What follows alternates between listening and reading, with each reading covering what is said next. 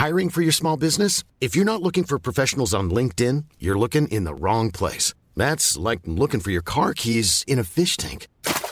LinkedIn helps you hire professionals you can't find anywhere else, even those who aren't actively searching for a new job but might be open to the perfect role. In a given month, over 70% of LinkedIn users don't even visit other leading job sites. So start looking in the right place. With LinkedIn, you can hire professionals like a professional. Post your free job on linkedin.com slash people today.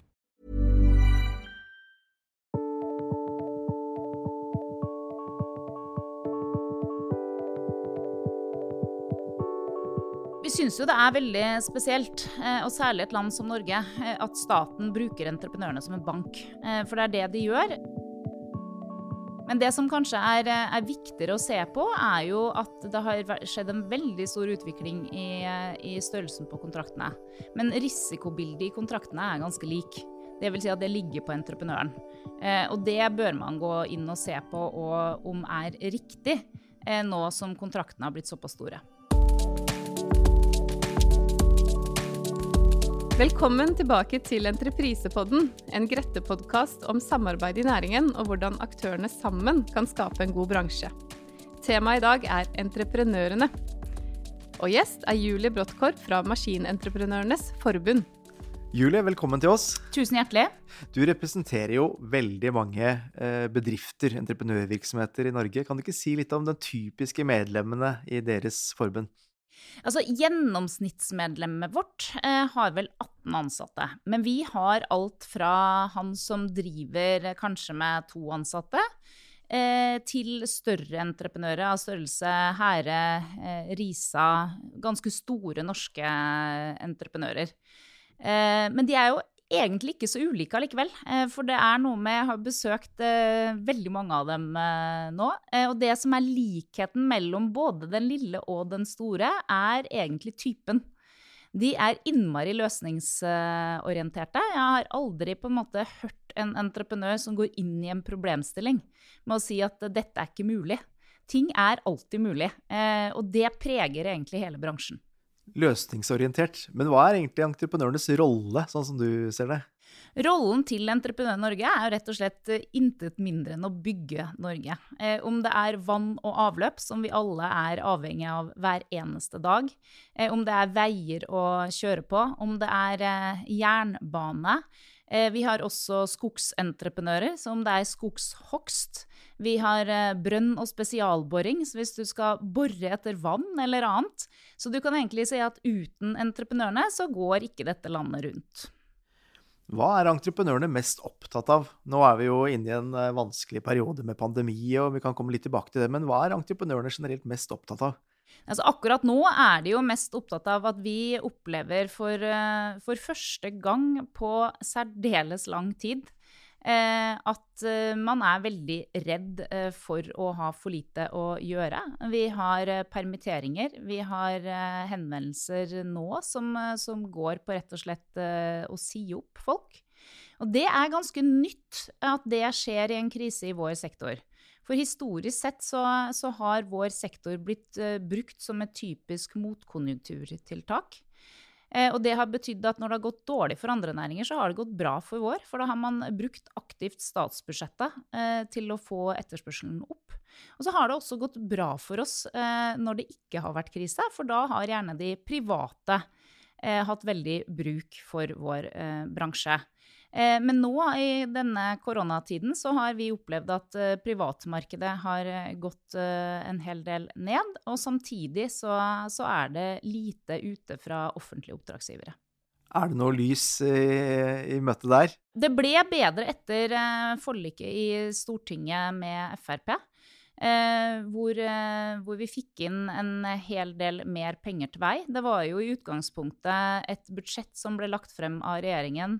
Som første gang siden eh, 2013 så var det jo kutt på riksveiinvesteringer. Eh, de påsto selv det var et offensivt budsjett på eh, samferdsel, men eh, da har de tatt med 40 milliarder i overskridelser på Follobanen. Og det kaller ikke vi en satsing, men en fallitt. Eh, så, men det ser noe bedre ut, og så er det veldig, veldig viktig nå. Vi er veldig avhengig av at fylkeskommuner og kommuner nå agerer raskt for å få disse prosjektene ut når eh, budsjettet er vedtatt. Apropos eh, budsjett, eh, det har jo vært diskusjoner eh, også knytta til merverdiavgift, og der har dere vært veldig aktive i Maskinentreprenørenes forbund. Kan du si litt om den diskusjonen som dere har ført, og hvor dere har vært en tydelig målbærer for å behandle MVA på en litt annen måte enn det som har vært tilfellet fram til i dag? Ja, Vi syns jo det er veldig spesielt, eh, og særlig et land som Norge, eh, at staten bruker entreprenørene som en bank. Eh, for det er det de gjør ved at hvis man har et sluttoppgjør hvor man ikke er enige, og det skjer jo ganske ofte i vår bransje. Fordi det er veldig vanskelig å vite hva ligger under bakken før du har begynt å grave.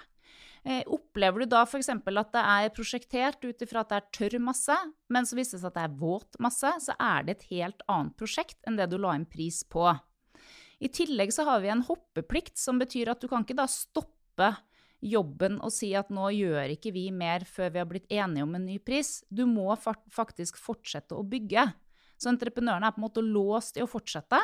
Og da blir man jo ofte enige om at dette tar vi i sluttoppgjøret. Så kommer vi til sluttoppgjøret, og så vil ikke byggherre betale. Da blir det selvfølgelig en sak, gjerne i rettssystemet. Og når man da har sendt den sluttfakturaen, som bruker å være ganske høye i våre prosjekter, så tar det vel 14 dager, tre uker, så får du en regning fra staten på merverdiavgift. Det er veldig tøft for våre entreprenører, for at disse sakene går årevis i rettssystemet. Så mange av dem må da låne penger i banken for å betale staten merverdiavgift på penger de selv ikke har fått. Og det syns vi er ganske spesielt.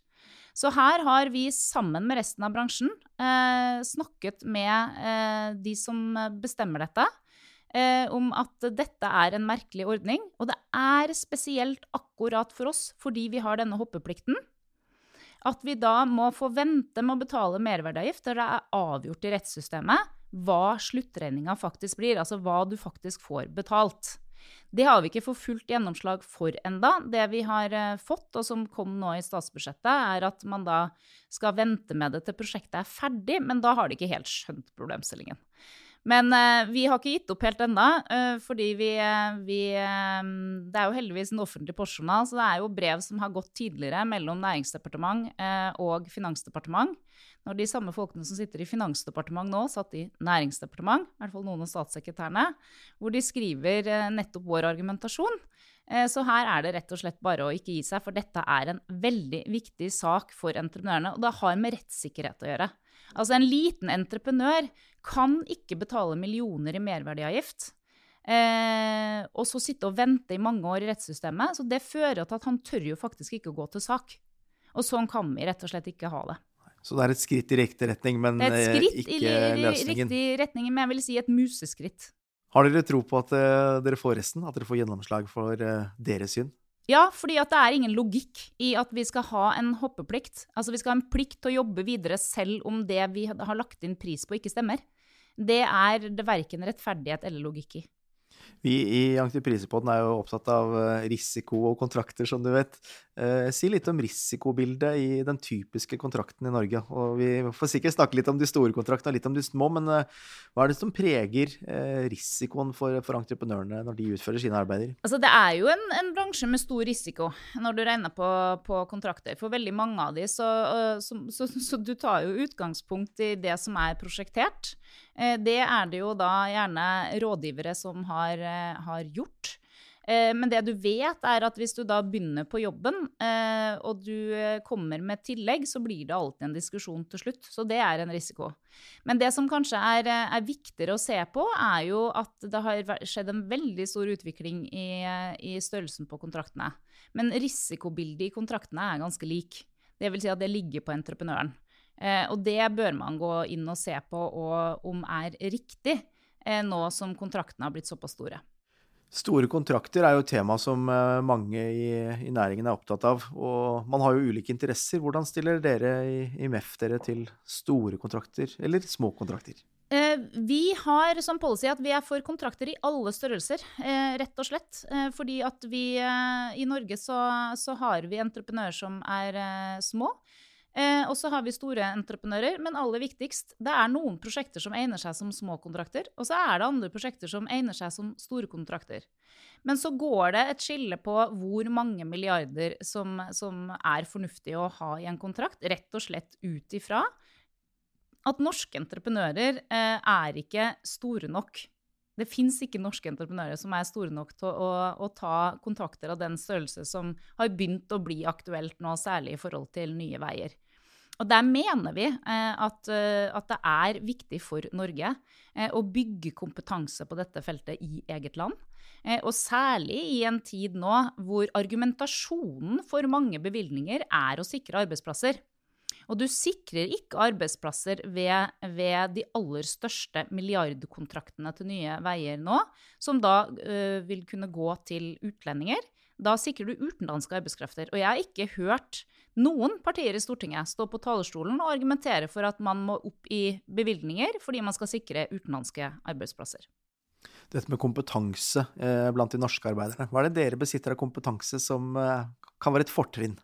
Mye. Eh, Norge er et, et, spesielt land. Vi er et annerledes land, både geografisk og ellers. Og det vi besitter, er jo entreprenører som gjennom generasjoner har bygget i Norge.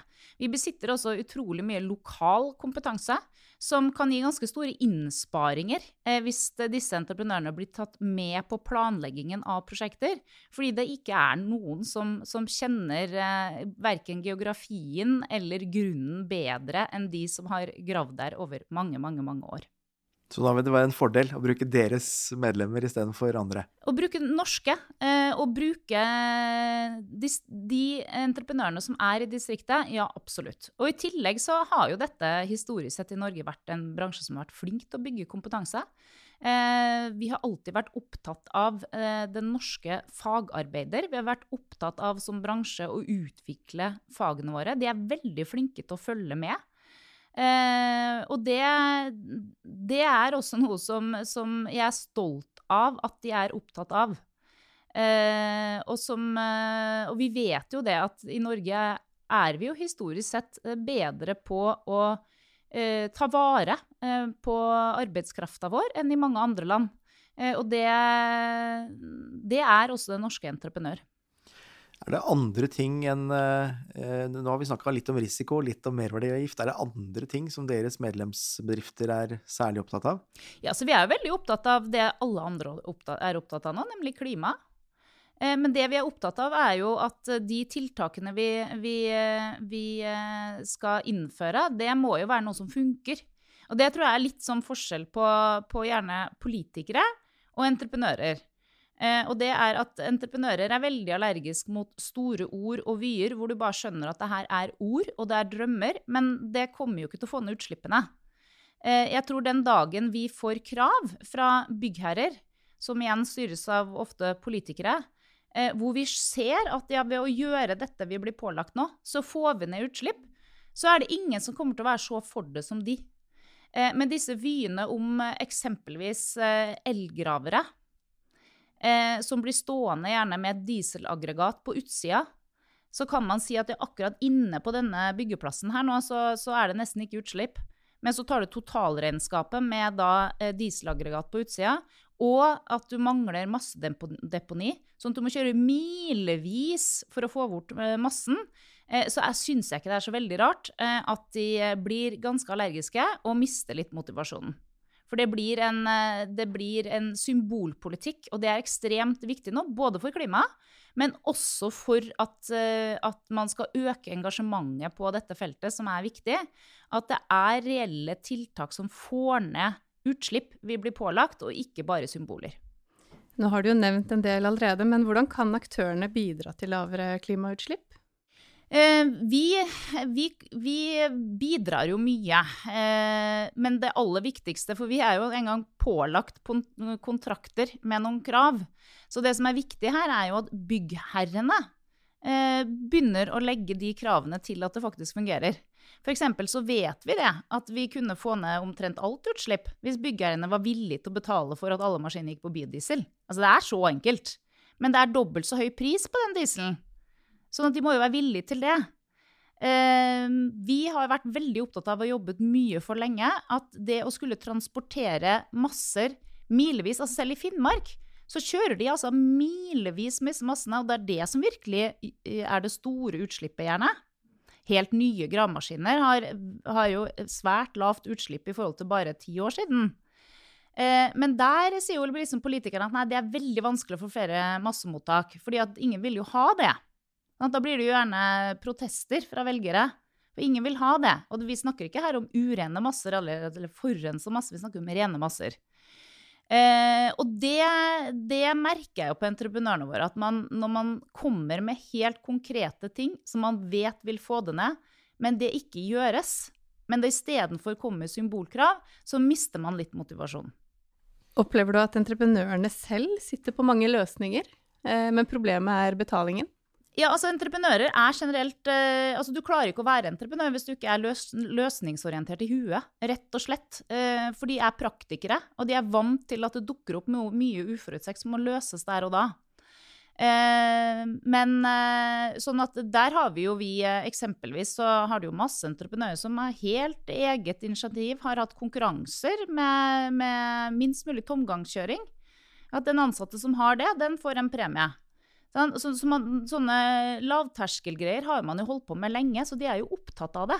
Men det som provoserer, er jo det som de blir pålagt, eh, som bare noen skal sole seg i glansen av. Altså det, og det å bygge en vei med bare elgravere, det, det er ikke mulig. Altså vi kan ikke bli pålagt å bruke maskiner som ikke fins. Så enkelt er det. Vi hører jo også om eh, bl.a. Statens vegvesen som innfører krav til Sequel eller andre sertifiseringer hos andre byggherrer, kanskje. Men hva tenker dere om det? En sertifisering og en, eh, også en, eh, en måle å både budsjettere og føre regnskap og klimautslipp. Er det noe dere ser positivt på? Altså, det er, det, det er, jo alltid sånn at når du får nye krav og nye systemer, så er jo vi mennesker sånn at det skaper en usikkerhet. Fordi det er noe nytt vi ikke kan. Og dette er et system som, som for eh, de aller fleste entreprenører, eh, av hvert fall sånn mellomstor, liten størrelse, er ganske nytt.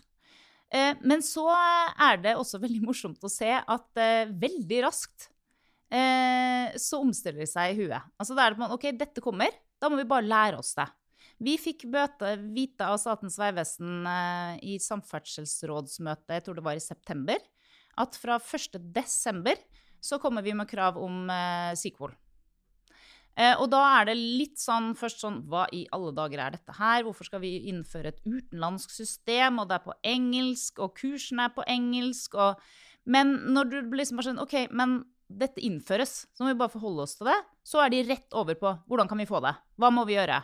Og det er ganske digg. Og det, sånn var det når vi fikk krav om ISO-sertifisering også. Så dette er løsningsorienterte mennesker, og de er særdeles kompetente. Eh, for de har vist at de lærer seg det som de må lære seg, og de bruker det. Men det vi kan savne eh, på alle mulige krav som kommer i forskjellige kontrakter, det er kontroll. Fordi da må man kontrollere at de entreprenørene som, som, får oppdrag, faktisk gjør det de har skrevet i kontrakter at de skal gjøre. For hvis vi opplever at kontrollregimet ikke er der, eh, så faller jo selvfølgelig eh, litt moralen hos de som er veldig opptatt av å, å ikke skrive inn ting de ikke helt har kontroll på hvis det, det, er et krav. Og så ser de kanskje at konkurrenten eh, er litt sånn mer overskjellende, får kontrakten, men kanskje ikke gjør det sånn som man skulle. Så da må byggherren rett og slett bidra til å få løse dette? Jeg mener jo det bare er en selvfølge. At en byggherre har et ansvar for å føre en kontroll. Vi snakker om byggherrer og entreprenører, men nå ser vi også flere og flere totalentrepriser som preger eh, anleggsnæringen. Det har jo vært mye brukt i byggnæringen, men totalentrepriser sett med MEF sine øyne, hvordan ser det ut? Nei, altså det, det, Vi ser jo det at det, det, kommer mer og mer. Samtidig så er vi i en god dialog med de forskjellige byggeierne på når er det egnet, og når er det ikke, ikke egnet. Og opplever egentlig at uh, de er interessert i det perspektivet. Men jeg ser jo også der på egne medlemmer at når de ser det kommer, uh, så, så ber de raskt om at vi har kurs, at de får kompetanse på fyll. Ehm, og setter seg inn i det. ansetter eventuelt mennesker de ikke har fra før, som, som, som de trenger. Også, men så ser vi jo heldigvis også på andre siden at byggherrer er jo også interessert i å få mest mulig utført jobb for pengene. Eh, sånn at vi er jo fremdeles i en dialog med hvor er disse kontraktene egnet, og hvor er de ikke.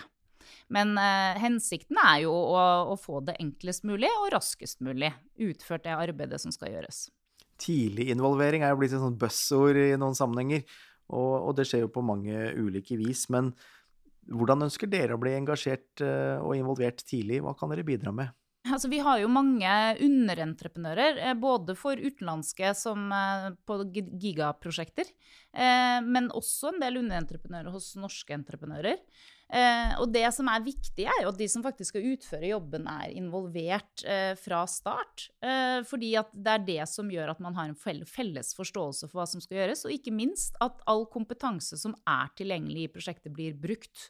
Og det tror jeg egentlig bare er sunn logikk. Altså hvis du skal utføre en, en jobb, selv om det kanskje er litt senere ut i, i, jobben, så er du helt avhengig av å vite hva er den store kongstanke bak, eh, og hva er tenkt, og, og, hva trengs.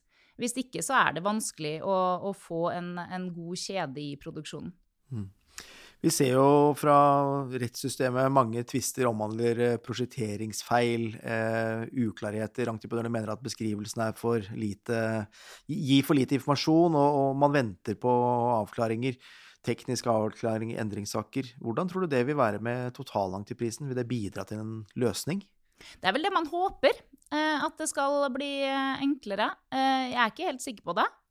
Jeg tror det kommer an på, på prosjektene. Eh, og så vil det alltid være en diskusjon med hvor skal ansvaret ligge. Eh, og det er vel eh, også derfor mange ønsker de. Eh, så det tror jeg svarer på det. Mm, det er bra, det. Bra, det. Hva tenker du om uh, samspillsentrepriser? Er det noe dere ser at uh, entreprenørene er opptatt av? Ja, det går jo litt på det samme. Uh, og det vi er opptatt av hvis vi løfter det litt opp, det er jo at vi blir, blir involvert, og at man at man får brukt kompetansen sin og får, bidratt, bidratt, inn. Uh, det er man jo selvfølgelig opptatt av, og vi har jo sett på en del uh, prosjekter at det kanskje skjer litt for sent, da, når noe har gått, gått galt. Og særlig kanskje der hvor det er store prosjekter hvor utlendinger kommer inn. Og det er kanskje langt nord i Norge, hvor det er spesielle forhold. Hvor man først da blir dratt inn når det som funker i varmen i Spania, ikke funker i Nord-Norge. Eh, og det hadde jo vært veldig mye smartere. Eh, og da hatt mer, eh, mer, deling av kompetanse og samarbeid i starten. Ja, for det som særpreger samspillsenterprisene, er jo at man har en felles utviklingsfase eh, i begynnelsen. Hva tenker du om eh, entreprenørens rolle i denne utviklingsfasen? Jeg tenker Det sier seg selv at den som skal utføre selve jobben, at den skal være med i utviklingsfasen. Jeg tror ikke det er veldig mange andre bransjer, i hvert fall ikke som jeg har vært innom, hvor man eh, ikke har med den som faktisk skal gjøre jobben i oppstarten og utviklingen. Du var jo innom det i innledningen, Madeleine. Samarbeid er jo noe vi i Entreprisebåten er eh, opptatt av. Uh, Julie, hva, hva er viktig for å oppnå et godt samarbeid på anleggsplassen? Ja, nå har jo jeg vært lærling, da. ja. I to forskjellige år. Det har jo vært veldig eh, interessant. Men, men eh, der er det jo også, så Jeg var jo på ett stort prosjekt og bygde E6 eh, oppe i Mosjøen. Eh, og det som jeg ble veldig imponert over der, det var Bertelsen Garpestad, jeg var lærling hos da. Eh, det er jo hvordan Og der er vi jo veldig mange ulike mennesker. Jeg var jo liksom helt nederst på randstegen, for jeg var ikke bare lærling, men jeg var den dårligste lærlingen. Men hvor viktig det er med denne bålpanna. fordi at det er der du ser at der setter man seg ned om kvelden. Og så snakker man igjennom hva har vi gjort i dag? Har, hvem har møtt hvilke utfordringer? Eh, utveksles masse kompetanse. Og så har du en god prosjektleder som tar med seg dette helt sikkert uten at jeg vet det. Så, det, så virker det som han da har tenkt gjennom, analysert litt, og så har man da dette morgenmøtet med kaffen. Sånn at man er helt sikker på eh, at alle vet hva man skal gjøre. Eh, og det som gikk gærent i, i, går, det har man tenkt gjennom hvordan man skal løse i, i, i, dag. Så god prosjektledelse er ekstremt viktig, og blir nok viktigere og viktigere i vår sektor jo større prosjektene blir. For én ting er jo når du liksom har et prosjekt hvor det er pappa og to sønner som skal, skal ut og grave. Eh, for de er nok veldig samkjørte. Eh, og har sannsynligvis eh, jobbet sammen i mange år og kan bare se på blikket til den andre eh, hva det er som skal gjøres nå. Men jo større prosjektene blir, jo viktigere er det at våre entreprenører har gode prosjektledere. Og på de prosjektene jeg har vært utplassert, så har vi hatt veldig gode prosjektledere. Men så har jeg også tenkt på at de har vært veldig flinke til å ikke på en måte bli prosjektledere på den måten at de har endra strukturen på anlegg. Eh, for at i andre bransjer jeg har vært, så ville man jo ikke sittet rundt bålpanna på kvelden og hatt denne utvekslingen. Man ville hatt et formelt møte inne på et kontor osv. Så, videre. så tenkte jeg satt der at egentlig dette er litt sånn rart, men samtidig utrolig smart. Fordi at det blir jo mye mer avslappa. Hvis den samme gjengen der, altså hvis dumpersjåføren da, som har kjørt dumper hele sitt liv, det er det han kan, hadde blitt innkalt på et møterom, så tror jeg faktisk ikke han hadde kommet med sin kompetanse. For han hadde bare av å sitte inne på det kontoret blitt mye mer bundet. Så her fikk man en løs, åpen diskusjon om hva fungerer, hva fungerer ikke. Og så ble det gjort noe med det til dagen etterpå. Så man har en proff prosjektledelse, men i entreprenørens kultur. Og det var veldig fint å se på. Julie, du har jo vært ute på mange norske anleggsplasser. Eh, hvordan står det til med tanke på eh, mangfold, likestilling, vi er altfor dårlige, eh, både på mangfold, ikke på likestilling, vil jeg si. For de av oss kvinner som har vært på anlegg, vi, eh, vi, eh, vi tror jeg er likestilt. Men det er for få. Og der må jo bransjen ta et ansvar. Og vi har gjort Vi tenkte vi skulle begynne på bånn, vi, da. Der hvor jeg var, nemlig som lærling. Og så har vi undersøkt blant de kvinnelige lærlingene vi har. For det vi så når vi gikk til undersøkelse, var at uh, veldig ofte så er jentene de som er best på teknisk fagskole. Altså det, det, er ikke, det, er ikke, noe i faget som gjør at de ikke lykkes. Men mange faller ifra læretida, og det er jo litt interessant å se hvorfor gjør de det. Eh, og et enkelt grep er jo at hvis det fins to kvinnelige lærlinger, så putt de på samme anlegg. For det skjønner jeg ganske godt. Når jeg var lærling oppe i Mosjøen, så var det en annen kvinne der. Det syns jeg var ganske deilig. Sånne små problemstillinger som eh, 'Har du en balsam jeg kan låne?' eller eh, 'Har du ringt hjem i dag? Hvordan har barna det?' Altså, det er et eller annet fremdeles med at uh, hvis du skal bo et sted over lang tid i et arbeidsmiljø, så er det veldig OK å ha e, i hvert fall én annen annet kjønn. Og da er det enklere til at man får en, en trivsel. Og det er også enklere kanskje at hvis man føler da eh, noe som litt gærent på anlegg. En eller annen sjargong. Som jeg ikke tror gutta kanskje tenker over at eh, ikke er OK. Hvis du har to, så er det mye enklere å si fra. Men hvis du er én, og det merka jeg på meg selv òg Hvis du er én, så svelger du det mer i deg. Jeg tenker, nei, Det er sikkert bare jeg som nå prøver, og, som, som, tolker, og nei, det var helt sikkert ikke sånn ment, og det er sikkert ikke derfor de sier det. sant? Så, så, så, det er viktig. Og der har vi som bransje et, en, en, viktig jobb å gjøre. For akkurat nå rekrutterer vi fra 50% av befolkninga. Vi rekrutterer for det meste menn. Og det sier seg selv at en bransje som trenger den beste kompetansen, den får ikke den beste kompetansen hvis den rek rekrutterer fra ett kjønn. Så har vi én utfordring til, og det er mangfold. Og det er jo å, å, å få inn eh, flere flerkulturelle. Altså hvis vi ser på Norge i dag, så er det helt uh, merkelig at vi ikke har flere bakgrunner på, på, anleggsplass. Noen steder er dette absolutt uh, i ferd med å, å, bedre seg. Jeg ser også ofte når jeg besøker yrkesfag, at, det, at det, er, uh, det, kommer mer og mer. Men det er jo også noe som, som man opplever på en arbeidsplass, at det er jo en ressurs. Og særlig kanskje i et miljø hvor man er såpass tett. Eh, så, så, er det, så er det, kan det være et godt innskudd, eh, tenker jeg. Men så må jeg også få lov å skryte litt, da, for jeg, nå har jeg vært veldig mye rundt. Eh, og jeg har også da bodd ute på anlegg. Jeg har vært både hos Risa og hos Bertelsen Garpestad. og, og mm, jeg tror mange kvinner tror For jeg opplever å få en del spørsmål at å gud, du må være tøff som jobber i en så mannsdominert bransje.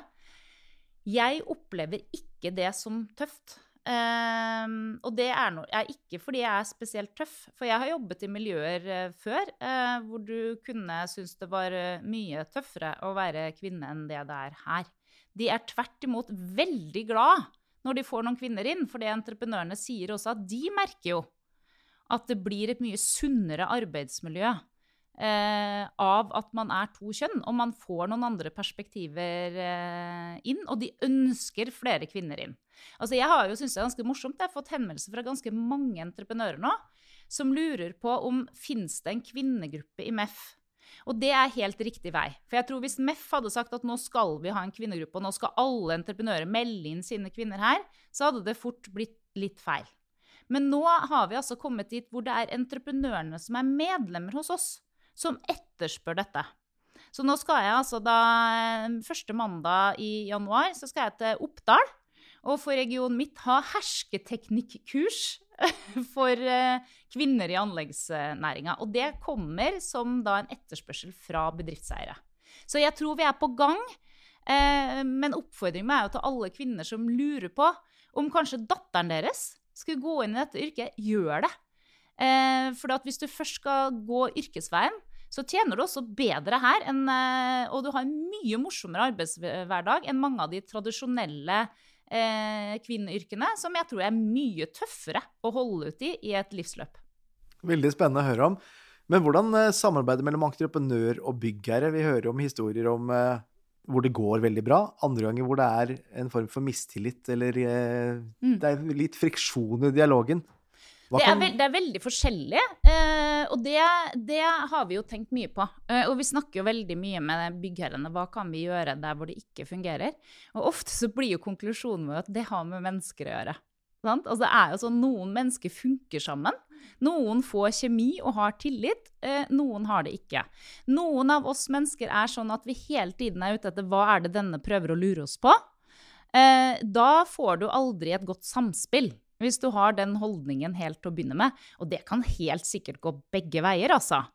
Eh, det viktige for oss som bransjeorganisasjon er jo å ha en god dialog med byggherrene. Eh, og der vil jeg bare gjenta mitt store skryt av Ingrid Dahl Hovland.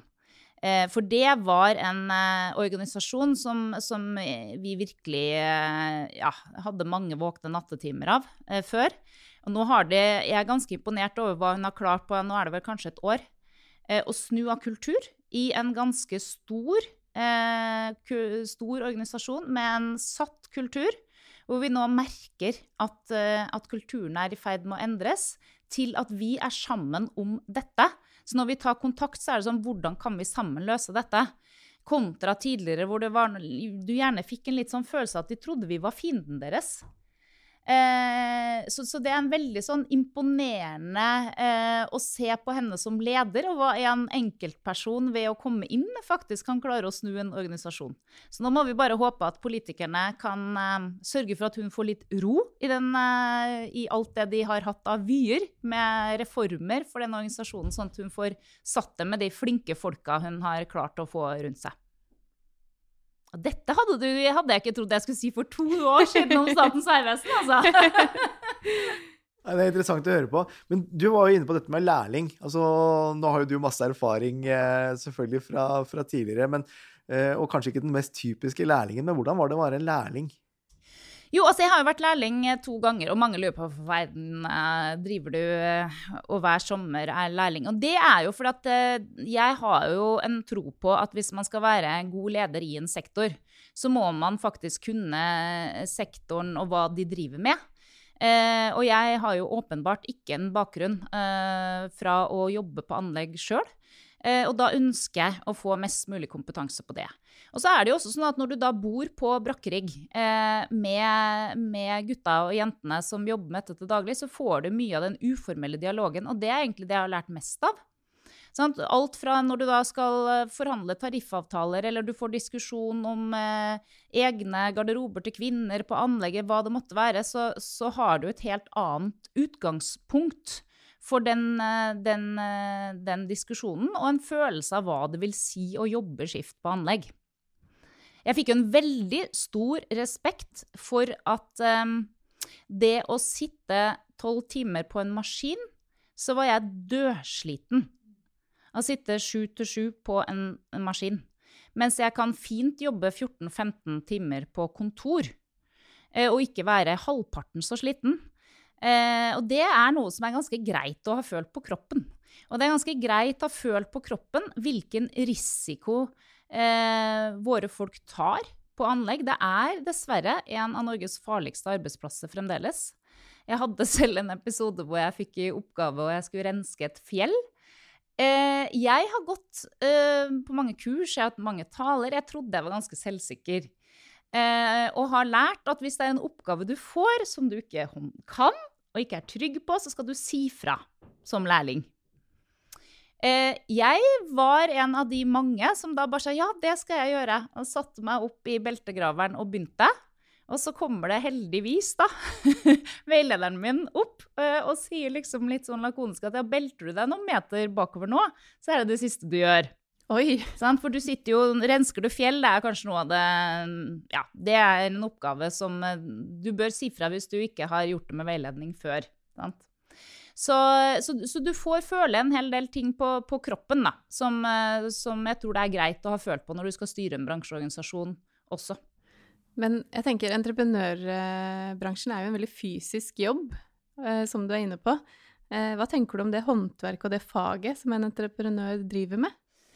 Ja, jeg vil vel si at uh, fysisk Vi sitter jo for det meste inne i en uh, maskin, så jeg er jo veldig på Jeg prøvde meg jo litt på det når jeg var på anlegget, at kanskje vi skal dra ut og jogge oss en tur, gutter. Uh, det var ikke sånn kjempestemning. Det var, var mer, mer, populært å sitte rundt bålpanna, for man sitter jo veldig mye stille inni en maskin.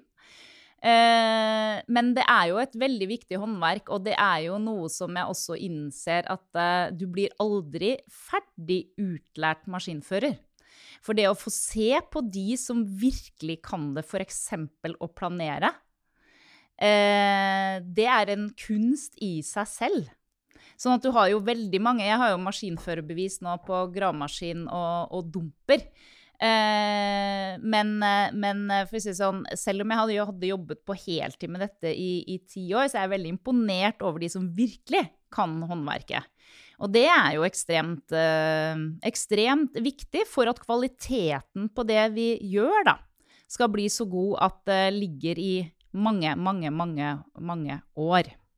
Så jeg håper jo da at jeg kan ta med barnebarna mine på E6 i Mosjøen. Jeg håper det er lenge til jeg får barnebarn, men når jeg en gang får det, at den fremdeles er en fin vei. Så jeg kan si at dette har da altså farmor eller mormor vært med å bygge. Det syns jeg er litt stas, for tidligere har jeg liksom bare hatt jobber hvor det er veldig mye prat, da. Hva er viktig for dere i MEF for å sikre at uh, ungdommer uh, velger bygg og anlegg, rett og slett for å se for at det er en bra næring å jobbe i? Nei, altså jeg bruker å si det at hvis du ønsker et, et yrke hvor det er et morsomt og godt arbeidsmiljø, for det er det virkelig Altså, det er liksom veldig reale folk. Jeg har aldri vært i en bransje før hvor jeg har følt meg så trygg. Og så har jeg tenkt på hvorfor føler jeg meg så trygg? Og det er en bransje jeg i utgangspunktet ikke kunne noe om. Jo, fordi at det er en kultur for klare tilbakemeldinger og rake pucker. Det, det, er liksom ikke det derre spillet og pjattet. Og det gjør oss mennesker veldig trygge. Eh, og så er det jo et yrke hvor du får se resultater av hva du gjør, og det er ekstremt tilfredsstillende. Altså det å sitte ute på anlegg sammen med et herlig arbeidsteam, hvor, hvor vi vet at dette skal vi bygge, og så ser vi etter noen uker at nå har vi søren meg bygga det. Og vi kan se det, vi kan vise til det.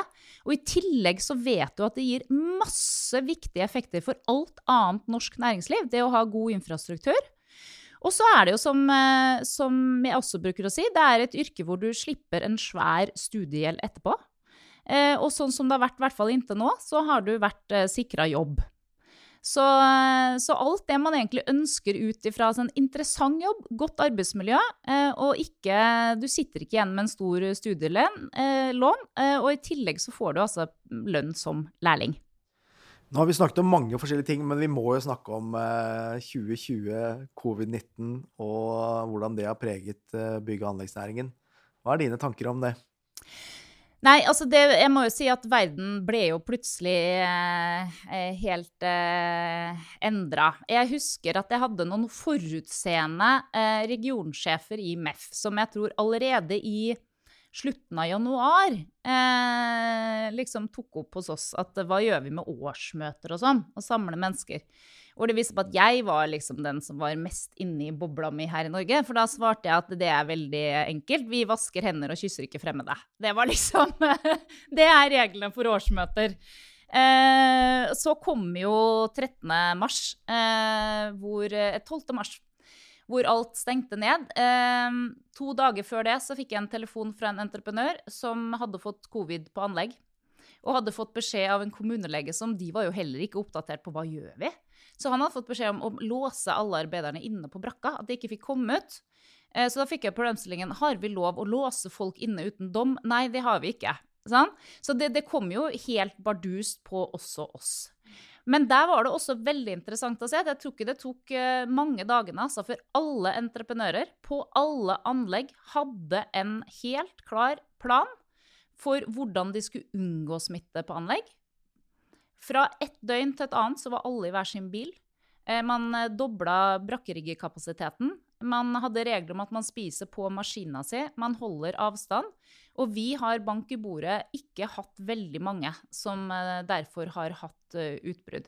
Det er jo også et yrke hvor vi jobber ute. Uh, vi jobber langt fra hverandre på hver vår maskin. Så, jeg må si at også der så, er jeg imponert. Men så har vi jo byggherrer, da, som er ansvarlig for dette. Og det å da sitte i en situasjon hvor alle disse ekstrakostnadene som det tross alt koster på store anlegg, at alle skal ha hver sin bil, at man må ha mye helt annen kapasitet på brakkerigger osv., det koster jo. Eh, det har vi jo selvfølgelig ikke regnet inn da vi regnet pris på disse prosjektene. Eh, det er en bransje hvor snittmarginen fra før er 2,8% og det skulle bare mangle at byggherrene tok den regninga. Det er statlige byggherrer for det meste. Eh, men der er det fremdeles en eh, diskusjon. Så dette tror jeg kanskje kan være saker som havner dessverre til slutt i rettsvesenet. Men hvordan ser det ut nå? Jeg vil si det har blitt den nye normalen. Altså Korona har blitt den nye normalen, og vi håndterer det veldig fint. Vi er heldigvis en bransje som, som også kan håndtere det, ut fra hva vi jobber med. Det som nå er problemet, er eh, at vi opplever en ordretørke. Altså Du kan på små prosjekter ha 12-13 tilbydere. Da er det noe gærent. Altså det, da skjønner vi at her er det noe gærent. Uh, og det, det, skremmer oss. fordi at Én uh, ting er nå at uh, hvis vi så at det ikke var masse etterslep på både fylkesveier og vann og avløp og, og, masse veiprosjekter som er vedtatt at skal bygges, da måtte vi jo innsett at okay, etterspørselen etter vår, våre folk er ikke stor. Ja, da er det greit. Da må man faktisk i worst case legge ned. Men det er jo ikke sånn. Altså Her har vi jo dokumentert at det er milliarder av etterslep på vann og avløp. Det samme er det på fylkesveier, og jeg kan fortsette å nevne det opp. Det er vedtatt at det skal gjøres. Eh, men så opplever vi nå at det kommer ikke ut. Da må våre entreprenører permittere og worst case si opp. Eh, så risikerer vi at eh, når dette da plutselig kommer ut, så får vi en ketsjup-effekt. Altså Da får dette samfunnet mye dyrere infrastruktur hvis det er få aktører igjen. Så, der er det en floke som, som må løses. Du var innom uh, merverdiavgift uh, litt tidligere. Uh, hvis du ser fremover nå, 2021, hvilke store saker er det dere i MEF vil jobbe med? Nei, altså Det første prioriteten vår, vår, vår, nå er jo å fortsette jobben for, for, å få ut oppdrag. Altså Eksempelvis hvor blir det av alle vann- og avløpsprosjektene? Altså Dette er jo noe som finansieres av oss innbyggere.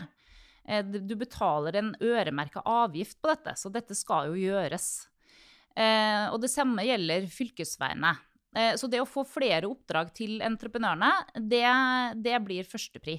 Så må vi eh, jobbe med, sammen med de som setter rammene for kontraktene. Hva gjør vi for å få ned utslipp? Ut ifra det som faktisk kan gjøres, og ikke bare er en drøm. Eh, så vil vi fortsette jobben eh, med denne merverdiavgiftssaken. Der, vi, der, er det jo en hel sektor med alle organisasjonene som er helt enig i at dette må vi gjøre noe med. Det kommer vi til å fortsette med. Vi har en god alliert i Fremskrittspartiet der. De har mye makt i Stortinget. Så det blir jo revidert som blir, blir neste stopp, stopp på den, den saken. Eh, og så er vi jo alltid eh, opptatt av eh, lærlingene våre. Eh, følge med på hvor mange skoleplasser eh, er det. Eh, trengs det. Trengs det flere? Og hvordan fungerer dette ute på anlegg? Du har jo også vært veldig flink til å få frem i media at det må tas hensyn til de små og mellomstore entreprenørene. Kan du si litt om det?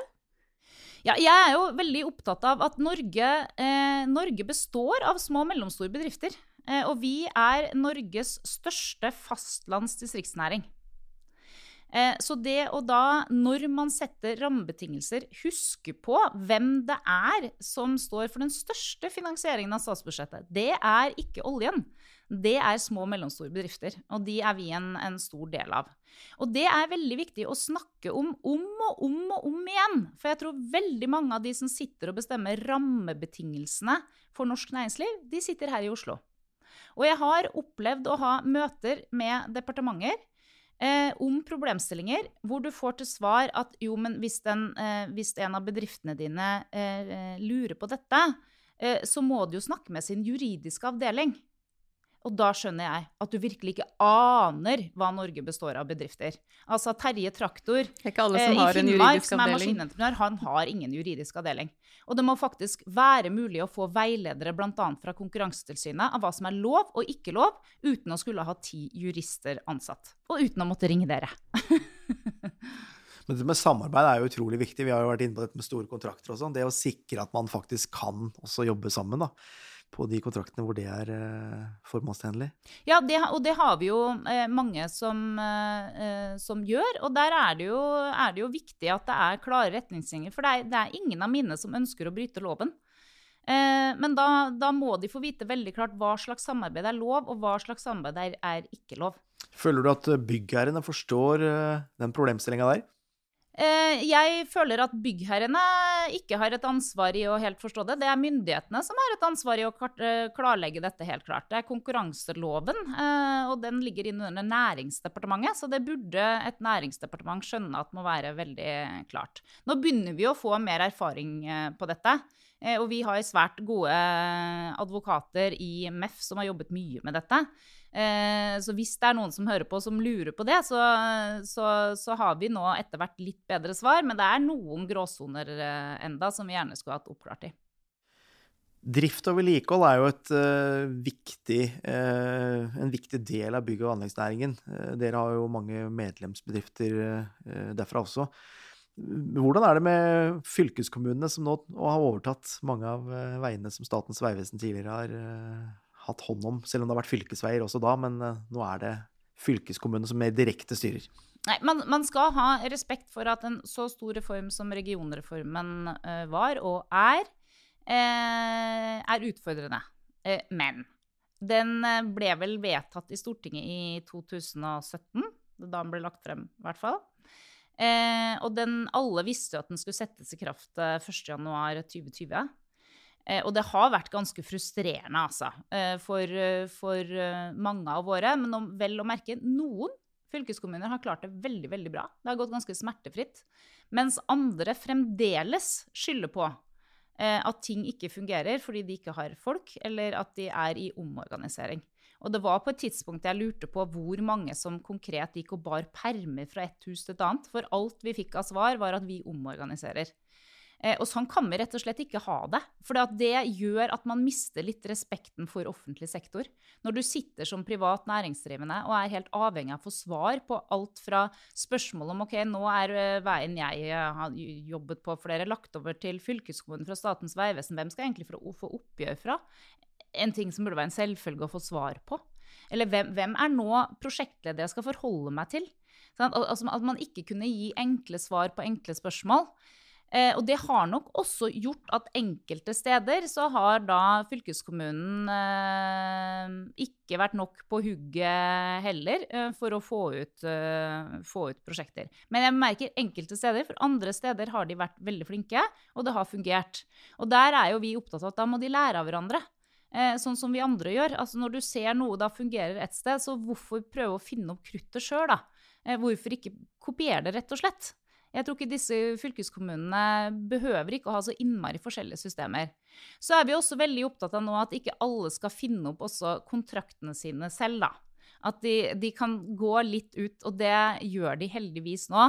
Eh, til oss i bransjen eh, og dra av erfaringen fra Statens vegvesen. Hva har fungert, og hva har ikke fungert?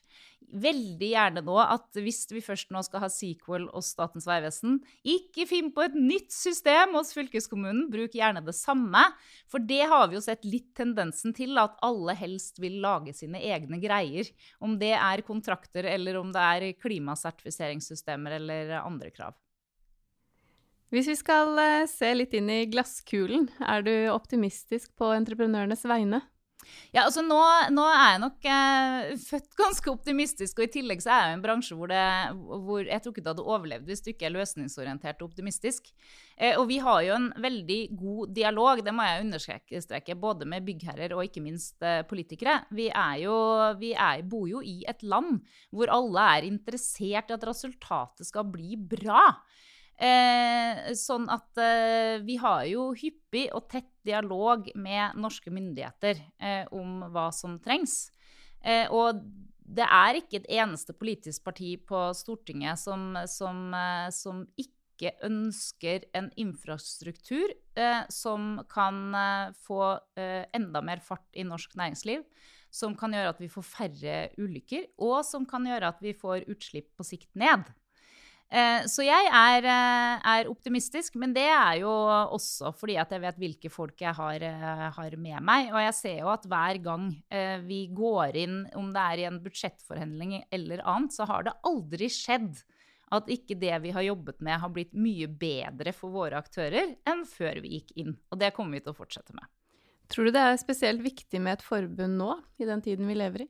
Jeg tror eh, generelt at det å, å ha et Jeg tror veldig på samarbeid.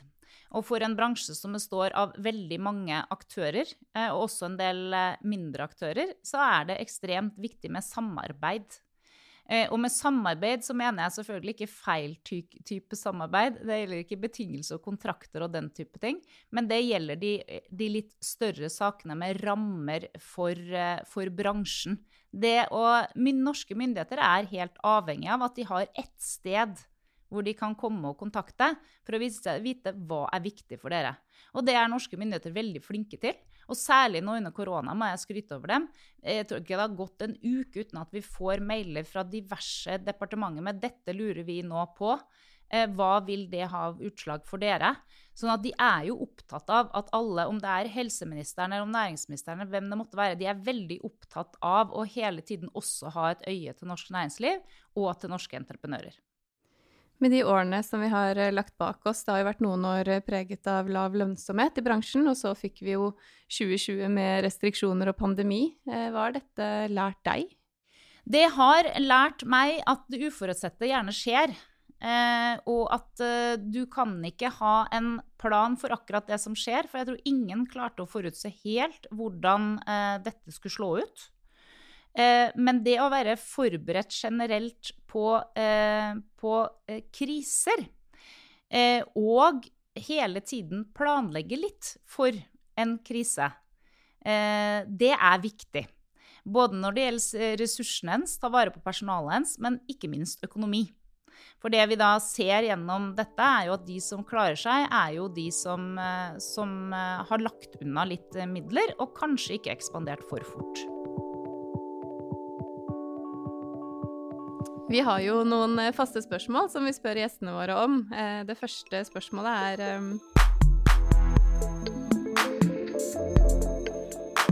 Julie, hvis du kan bytte jobb med hvem du vil for en periode, hvem ville du byttet jobb med?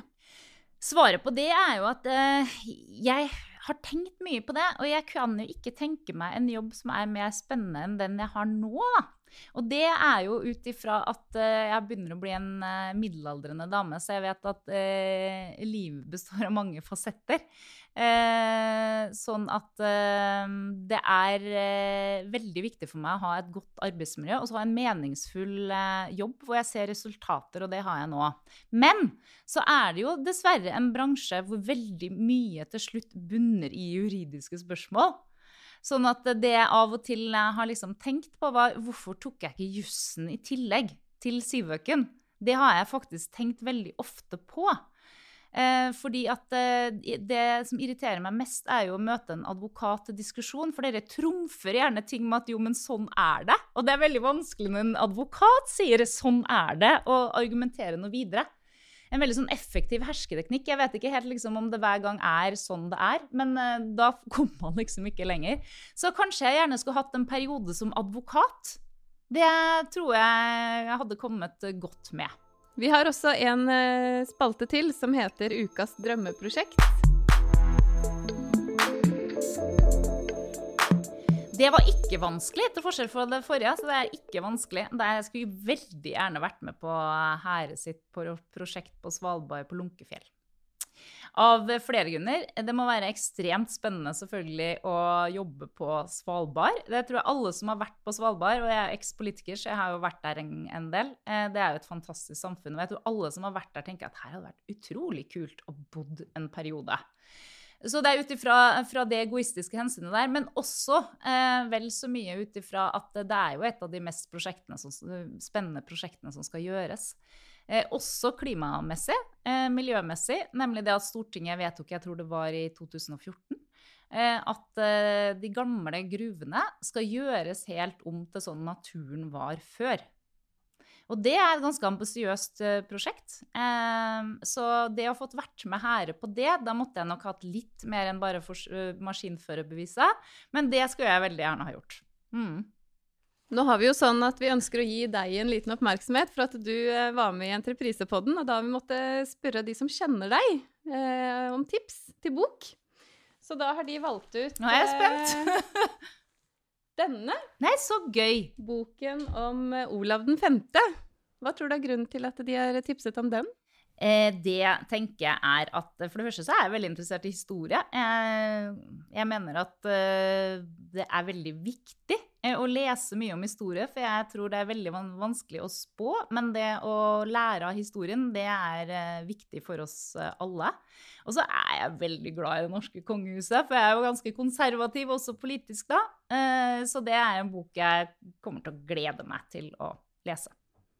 Det har vært veldig hyggelig å ha deg som gjest, eh, Julie. Veldig hyggelig å være her. Tusen takk for besøket, Julie Bråttkorb fra Maskinentreprenørenes Forbund. Entreprisepodden er her for alle, enten du er eier, beslutningstaker, anleggsarbeider eller prosjektleder.